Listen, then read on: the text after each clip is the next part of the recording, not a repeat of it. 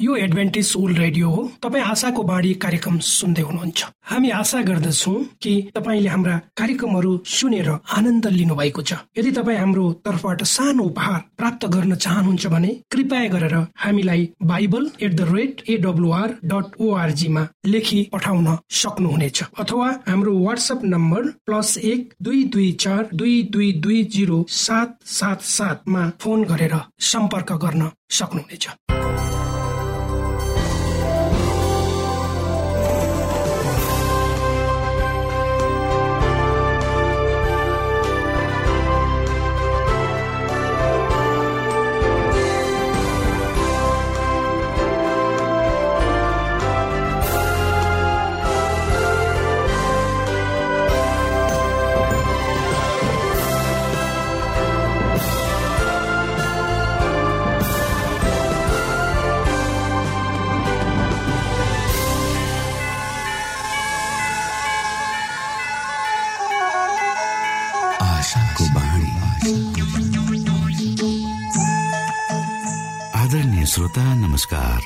समय तपाईँ Adventist world रेडियोको प्रस्तुति भोइस अफ होप आशाको बाणी कार्यक्रम सुन्दै हुनुहुन्छ।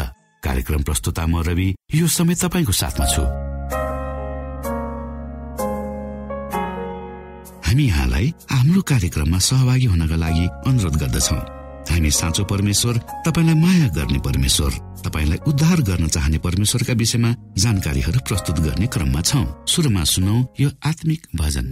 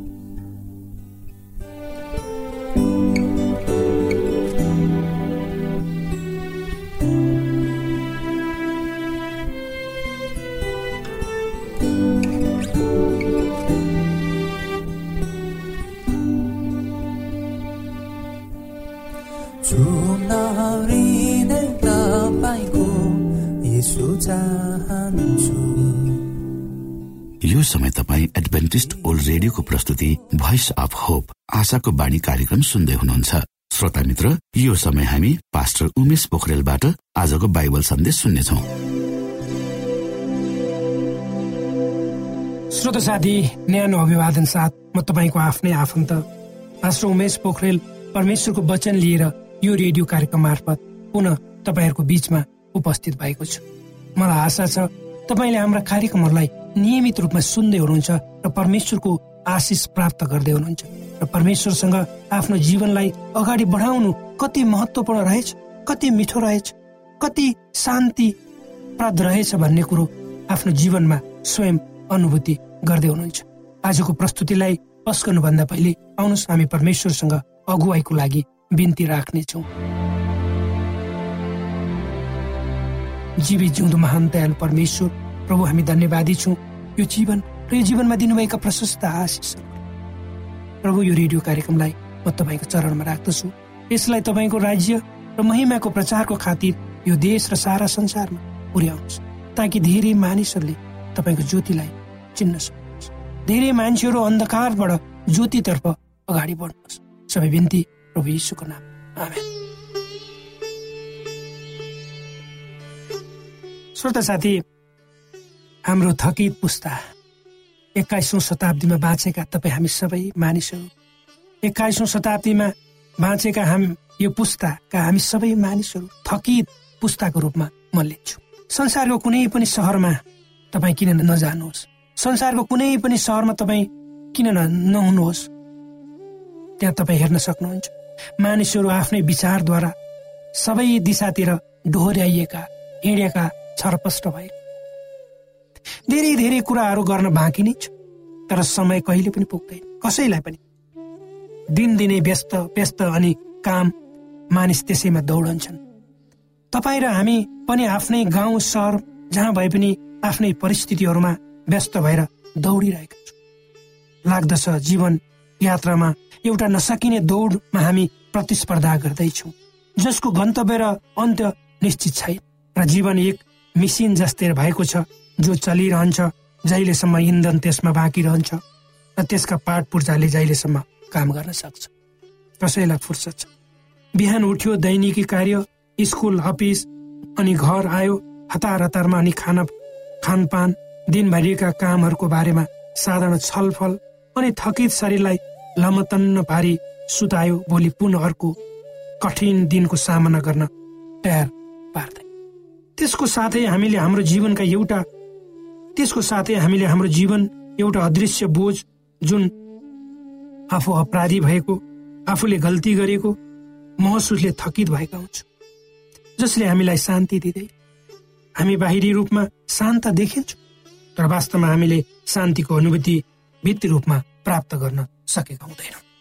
र हाम्रो भित्री रूपमा वा अशान्तिका भावनाहरू बढेका हुन्छ र हाम्रा भित्री मनका अशान्तिहरूले हामीलाई थित्तै जान्छन्। र लाग्दछ अब उम्कने बाटो कतै छ पापको कारणले हामी परमेश्वरबाट टाढा हुँदै गएका छौँ र शैतानको आवाजहरूले हाम्रा कान भरिएका छन् भने हामी त्यही आवाजद्वारा डोहोऱ्याइ डोहोऱ्याइँदैछौँ। हाम्रो जीवनको उद्देश्यहरू सांसारिक दृष्टिकोणबाट हामीले तय गरेका छौँ। त्यसैले त हामी संसारतर्फ भएर एउटा प्रतिस्पर्धामा दौडँदैछौँ। सांसारिक प्रतिस्पर्धा। हाम्रा विचार र भावनाहरू शैतानको कारणले अर्धचेतन अवस्थामा छन्। हामी के कुरा सही के गलत भनी छुट्याउन नसक्ने जस्तै भएको छु। हामीलाई हाम्रो आफ्नै अस्वस्थ चाहनाहरूले थिच्दै गएका छन्।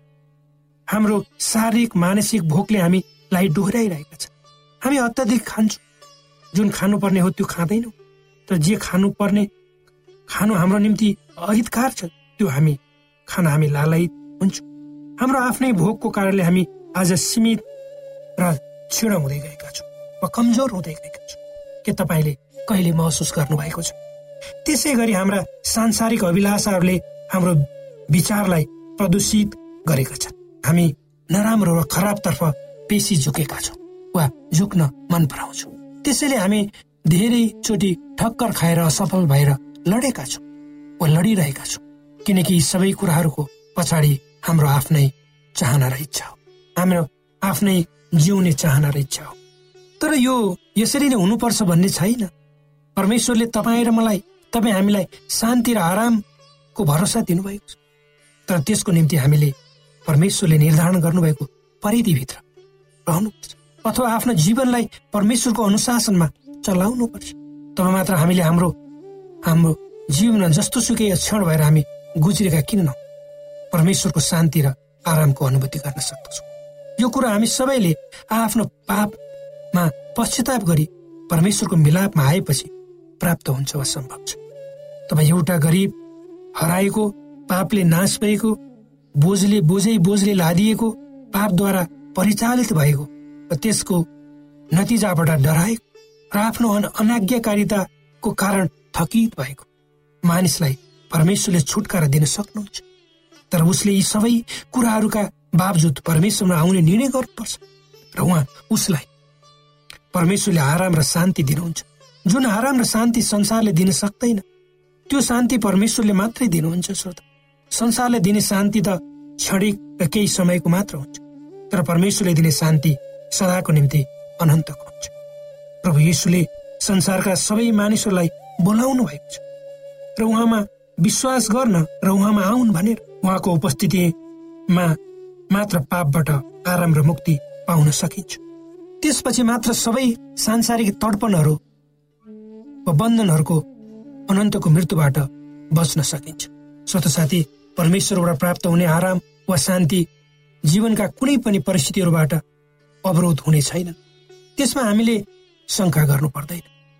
परमेश्वरका वचनहरू स्पष्ट छ वचनहरू स्पष्ट छन्। र जो मानिस पापपूर्ण जीवन जिइरहेको छ उसले परमेश्वरमा आउनुपर्छ तब मात्र उसले परमेश्वरको शान्ति र आराम प्राप्त गर्नेछ भनी प्रतिज्ञा गरिएको छ। आज संसारका धेरै मानिसहरू आफ्नो जीवनमा शान्ति र आराम खोज्नको निम्ति मानिसलाई पछ्याइरहेका छन् र गुरुहरूको सरसल्लाह लिइरहेका छन् भने सक्दो विभिन्न ठाउँहरूमा यात्रा गरिरहेको हामी पाउँछौँ। जसबाट दैवीय शान्ति प्राप्त होस् भनेर तर पनि परमेश्वरले सबैलाई आमन्त्रण गर्नुभएको छ। र उहाँले उहाँको निमन्त्रणा सब सधैँको लागि खुल्ला छ। र यदि कसैले परमेश्वरको आमन्त्रणलाई स्वीकार गरी यसुको चरणमा आउँछ भने उसले त्यो शान्ति र आनन्दको अनुभूति गर्नेछ। त्यसैले परमेश्वर हाम्रो खातिर यो संसारमा आउनुभयो ताकि हामीले मुक्ति र आनन्द पाऊ भने। मुक्तिदाताले हामीलाई आराम दिने प्रतिज्ञा गर्नुभएको छ। त्यसकारण आफ्ना बोझहरूलाई परमेश्वरको चरणमा आजै राखौँ। र शान्ति र आरामलाई आफ्नो जीवनमा आजदेखि सुरु गरौँ। त्यसैले त परमेश्वर भन्नुहुन्छ हे सबै थोकका र बोझले दबिएका हो म कहाँ आऊ? म तिमीहरूलाई विश्राम दिनेछु। मेरो जुवा आफूमाथि ल्याऊ र मसँग सिक किनभने म विनम्र र कोमल हृदयको छु अनि तिमीहरूले आफ्नो आत्मामा विश्राम पाउनेछ। किनकि मेरो जुवा सजिलो छ र मेरो भार हल्को छ। हो श्रोता साथी परमेश्वर तपाईँ हाम्रो अवस्था बुझ्नुहुन्छ। उहाँलाई थाहा छ हामी मानव जातिहरू कुन अवस्था भएर आफ्नो जीवन गुजार्दैछ। उहाँ चाहनुहुन्छ हाम्रा सबै किसिमका बोझहरू हामी आफूले होइन उहाँलाई बोक्न दिउँ उहाँमा राखौँ। तब उहाँले हामीलाई उहाँको शान्ति दिनुहुन्छ र हामीले आफ्नो आत्मामा विश्राम पाउँछौँ। एउटा कथा मलाई यहाँ भन्न मन लाग्यो श्रोता एउटा गाउँ थियो त्यो गाउँमा एउटा मानिस बस्थ्यो। त्यो मानिसले आफ्नो जीवनभरि कमाएको तलब हुन्थ्यो वा परिश्रम गरेर कमाएको पैसा त्यो प्रत्येक महिना चाहिँ सुन किन्ने गर्थ्यो। र त्यो सुन किनेर उसले त्यसलाई एउटा थैलीमा राख्थ्यो र सधैँ त्यो थैली आफ्नो सिरान मुनि राखेर त्यो सुत्थ्यो। वर्षौँ काम गरिसकेपछि उसले उसको सुनको थैली पनि ठुलो भइसकेको थियो। एक दिन त्यो मान्छे आफ्नो घरबाट निकै टाढा थियो अलि टाढा थियो। त्यो गाउँमा ठुलो पानी परिरहेको थियो। र गाउँभन्दा माथि एउटा बाँध बाँधिएको थियो त्यो त्यो त्यो गाउँलाई बचाउन भनेर। तर ठुलो पानी परेको कारणले त्यो बाँध भत्कियो। र भत्किएर त्यो बाँधमा भएको पानी गाउँमा पस्यो र पसेर गाउँमा चाहिँ भएका पोचा ठाउँहरूलाई डुबाउँदै गयो। अनि त्यो मान्छेले पनि यो कुरा थाहा पायो र कुद्दै कुद्दै आफ्नो घरमा आयो। र पानी घरको तल्लो भागसम्म भरिसकेको थियो। र हतार हतार आफ्नो कोठामा गएर उसले आफ्नो ओछ्यान पल्टायो र एउटा पोको निकाल्यो जुन उसको जीवनभरिको कमाईद्वारा किनिएको सुन थियो र ऊ त्यो पोको लिएर आफ्नो आफू त्यो पानीबाट बच्नको लागि छतमा पानीको सतह भरिँदै गयो होचो ठाउँहरू भरिँदै गए धेरै घरहरू डुबाउँदै गए। त्यत्तिकैमा एउटा हेलिकप्टर आकाशमा देखा पर्यो। र त्यो हेलिकप्टर चाहिँ त्यो पानीमा डुबेका मान्छेहरूलाई उद्धार गर्नको लागि पठाइयो। त उद्धार गर्ने मान्छेले माथिबाट कराएर भन्यो एउटा भर्याङ उसको लागि डोरीको भर्याङ तल झारिदियो र भन्यो अब पानी गाउँमा बढ्दैछ तिम्रो घर पनि केही समयपछि डुबाउँछ। छिटो छिटो गरेर यो ल्याडरलाई भनेको भर्याङलाई समात डोरीको भर्याङलाई र त्यही माथि आऊ। अनि त्यो मान्छेले एउटा हातले त्यो भर्याङ डोरीको भर्याङलाई समातो र हेलिकप्टर उडेर गएर ऊ बिचमा चाहिँ हल्लिरह्यो र अर्को हातमा उसको चाहिँ उसले जीवनभरि कमाई गरेर आर्जन गरेको सुन्थ्यो। र माथि त्यो उद्धार गर्ने मान्छेले उसलाई भन्यो होइन तिमीले दुइटै हातले समात डोरीलाई र माथिलाई माथि चढ। तर धेरैचोटि भन्दा पनि उसले त्यो गरेन र एउटै हातले मात्र माथि माथि हेलिकप्टरमा चढ्ने वा त्यो डोरीमा चढेर माथि जाने प्रयास गरो तर ऊ सफल पाए र अन्तमा त्यो माथि उद्धार गर्ने मान्छेले भनौँ यदि तिमीले दुइटै हातले तिमीसँग भएको जो पोको छ अर्को हातमा त्यसलाई फालेर दुइटै हातले त्यो डोरीलाई समातेर माथि चढेनौ भने तिमी त्यहाँबाट खस्छौ र तिमी मर्छौ हामी बचाउन सक्दैनौ। तब अन्तमा उसले महसुस गर्यो एउटा हातले मात्रै ऊ माथि चढ्न सक्दैन उसको सामर्थ्यले त्यो ऊ गर्न सक्दैन। यद्यपि उसले प्रयास गर र उसले के गर्यो भन्दा आफ्नो हातमा भएको त सुन्थ्यो उसले नचाहेर पनि छोडिदियो र अनि दुईटै हातले त्यो डोरीलाई समातेर ऊ हेलिकप्टरभित्र पस्न सक्यो र बचाइ श्रोता साथी यदि यो कथामा के भनिएको छ भन्दा यदि हामीले पूर्ण हृदयका साथ समर्पित भएर शत प्रतिशत रूपमा परमेश्वरमा चाहिँ हामी गयौँ भने उहाँको चरणमा रह्यौँ भने हामी बसाइन्छौँ। तर यदि त्यो मान्छेले चाहिँ आदि परमेश्वरतिर र आदि संसारतिर भयो भने हामी त्यही बिचमा हुन्छौँ न परमेश्वरतिर न संसारतिर। परमेश्वरले यी वचनहरूद्वारा तपाईँलाई आशिष दिउन्।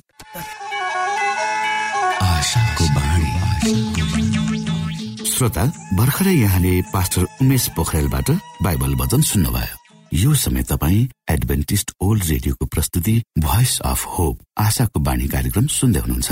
कार्यक्रम सुनेर बस्नुहुने सबै श्रोतालाई हामी हाम्रो कार्यक्रममा स्वागत गर्न चाहन्छौ। श्रोता मित्र यदि तपाईँ जीवनदेखि हरेस खानु भएको छ तपाईँका जीवनमा धेरै अनुत्तरित प्रश्नहरू छन् भने आउनुहोस् हामी तपाईँलाई परमेश्वरको ज्योतिमा डोहोऱ्याउन चाहन्छौ। तपाईँ आफ्नो जीवनका चिन्ता फिक्रीबाट निश्चिन्त हुनुहोस् र बाँच्नुको आनन्द परमेश्वरको सामिप्यमा कति मिठो हुन्छ त्यो चाख्नुहोस् भनी हामी चाहन्छौँ। श्रोता यदि तपाईँ आशाको बाणी कार्यक्रमलाई अनलाइन सुन्न चाहनुहुन्छ वा डाउनलोड गर्न चाहनुहुन्छ भने ओआरजीमा जानुहोस्। त्यहाँ तपाईँले प्रत्येक दिनको कार्यक्रम सुन्न र डाउनलोड गर्न सक्नुहुनेछ। हाम्रो वेब पेज यस प्रकार छ।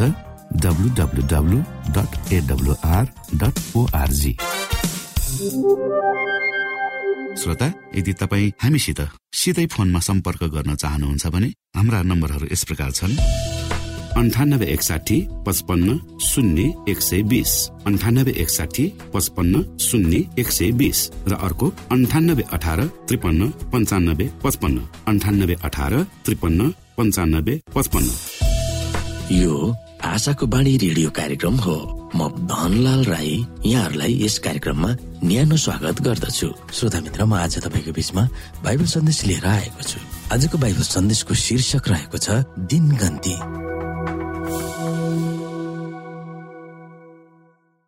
चेलाहरूको जिज्ञासाको प्रत्युत्तरमा यसुले जैतुनको पहाडमा आउनेवाला विश्वको मानचित्र कोरेर देखाउनु भएको थियो। त्यस बेला चेलाहरूले उनलाई सोधेका थिए होइन प्रभु यी सबै कुरा कहिले हुन आउनेछ? तपाईँको आगमनको चिन्ह र युगको अन्त्य कहिले हुनेछ? मत्ती चौबिसमा यसुले दिनुभएको प्रख्यात प्रवचनमा उहाँका दिनहरूदेखि लिएर उहाँको आगमन र पछिसम्म के हुनेछ भनेर क्रमिक रूपमा विश्वको इतिहासको समय तालिका उहाँले दिनुभएको थियो। आफ्ना जनहरूलाई यसुले युगको अन्तमा हुने भविष्यवाणीका ईश्वरीय समय तालिका प्रस्तुत गर्नुभएको थियो। उहाँ चाहनुहुन्छ कि युगको अन्तमा रहिरहने उहाँका जनहरू आखिरी घटनाको निम्ति तयार भएर बस्न सकोस्। उहाँको प्रेममा विश्वस्त भएर विश्राम लिन सकोस् भन्ने हामीप्रति उहाँको चाहना छ।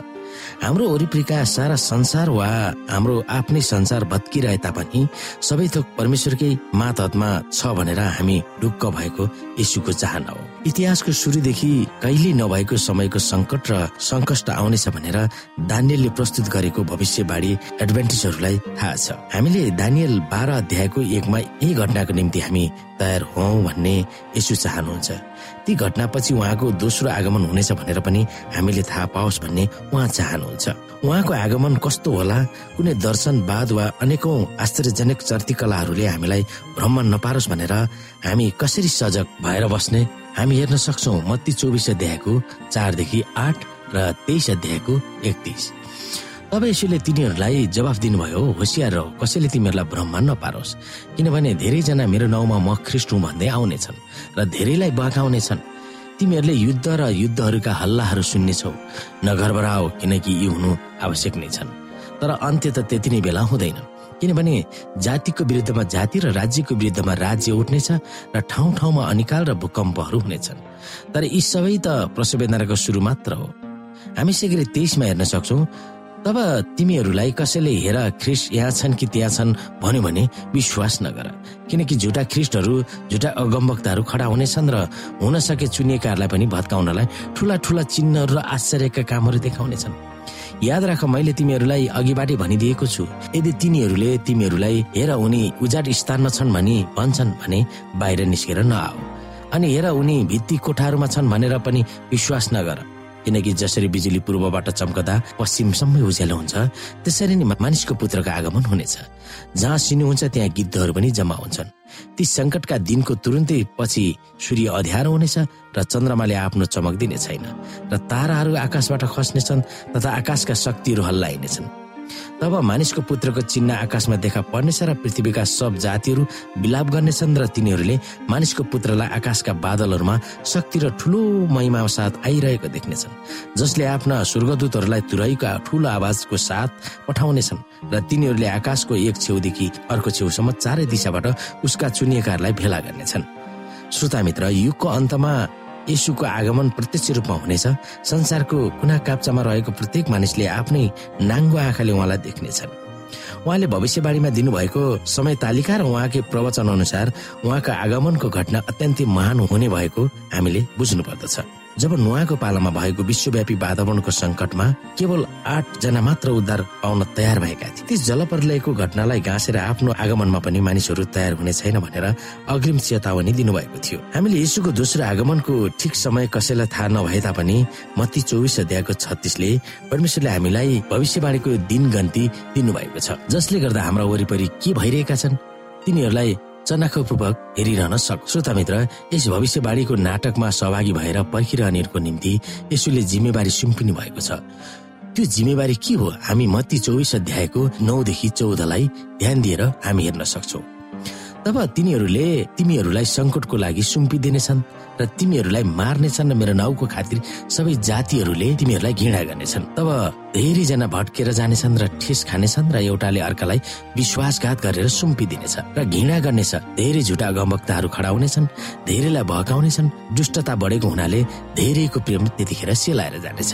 तर आखिरसम्म स्थिर रहने चाहिँ बचाइनेछ अनि राज्यको यो सुसमाचार सारा संसारमा सबै जातिहरूका लागि गवाईको निम्ति प्रचार गरिनेछ त्यसपछि अन्त्य हुनेछ। श्रोता मित्र हामीले याद गर्नु पर्दछ यस जगतव्यापी विवाद वा युद्धमा हामी केवल दर्शक मात्र भएर बस्न अपेक्षा गरिएको होइन। संसारभरि हामी जहाँ जहाँ छौँ त्यहाँ सुसमाचार सुनाउन सक्रिय हुन हामीलाई आह्वान गरिएको छ। यस पापी अधर्मी र दुष्ट संसारमा यहन्न वा तत्कालीन येसुका चेलाहरूलाई मात्र होइन हामीले पनि सङ्कट र यातना भोग्नु पर्नेछ भनेर यसुले भविष्यवाणी गर्नुभएको छ। तर उहाँले वचन दिनुभएको छ आखिरसम्म स्थिर रहने चाहिँ बचाइनेछ भनेर। आखिरसम्म स्थिर रहनु भनेको के हो? हामी कसरी आफ्नो विश्वासमा अडिग भएर बस्नुपर्छ? हामी पतित नहौ भनेर हामीहरूको दैनिक जीवनमा कस्ता कस्ता निर्णयहरू गरिरहनु पर्दछ? कतिले वास्ता नगर्ला तर त्यो हाम्रो समस्या होइन। हाम्रो समस्या भनेको हामीले के गरिरहनुपर्छ सो हो। प्रभुले मलाई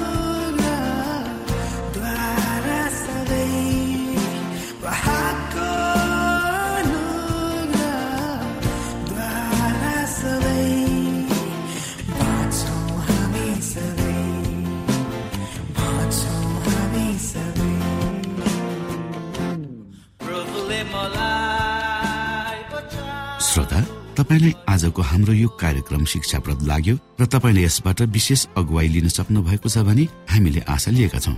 हामीसँग पत्राचार गर्ने हाम्रो ठेगाना यस प्रकार छ। आशाको बाणी पोस्ट बक्स नम्बर दुई शून्य शून्य शून्य दुई काठमाडौँ नेपाल। श्रोता यदि तपाईँ हाम्रो स्टुडियोको नम्बरमा सम्पर्क गर्न चाहनुहुन्छ भने हाम्रा नम्बरहरू यस प्रकार छन्। अन्ठानब्बे एकसाठी पचपन्न शून्य एक सय बिस। अन्ठानब्बे एकसाठी पचपन्न शून्य एक सय बिस। र अर्को अन्ठानब्बे अठार त्रिपन्न पञ्चानब्बे पचपन्न। अन्ठानब्बे अठार त्रिपन्न पञ्चानब्बे पचपन्न। श्रोता तपाईँ हामीलाई इमेल पनि गर्न सक्नुहुन्छ। हाम्रो इमेल एड्रेस यस प्रकार छ Nepal at AWR dot ORG Nepal at AWR dot ORG यदि तपाईँ हामीलाई अनलाइन सुन्न चाहनुहुन्छ वा डाउनलोड गर्न चाहनुहुन्छ भने तपाईँ W W W dot AWR dot ओआरजीमा जानुहोस् र त्यहाँ तपाईँले हाम्रो सबै कार्यक्रमहरू सुन्न सक्नुहुनेछ। हवस् त श्रोता भोलि फेरि यही स्टेशन र यही समयमा यहाँसँग भेट्ने आशा राख्दै प्राविधिक साथी राजेश आडा पास्टर उमेश पोखरेल र कार्यक्रम प्रस्तुता म रवि यहाँसँग विदा माग्दछौ। नमस्कार।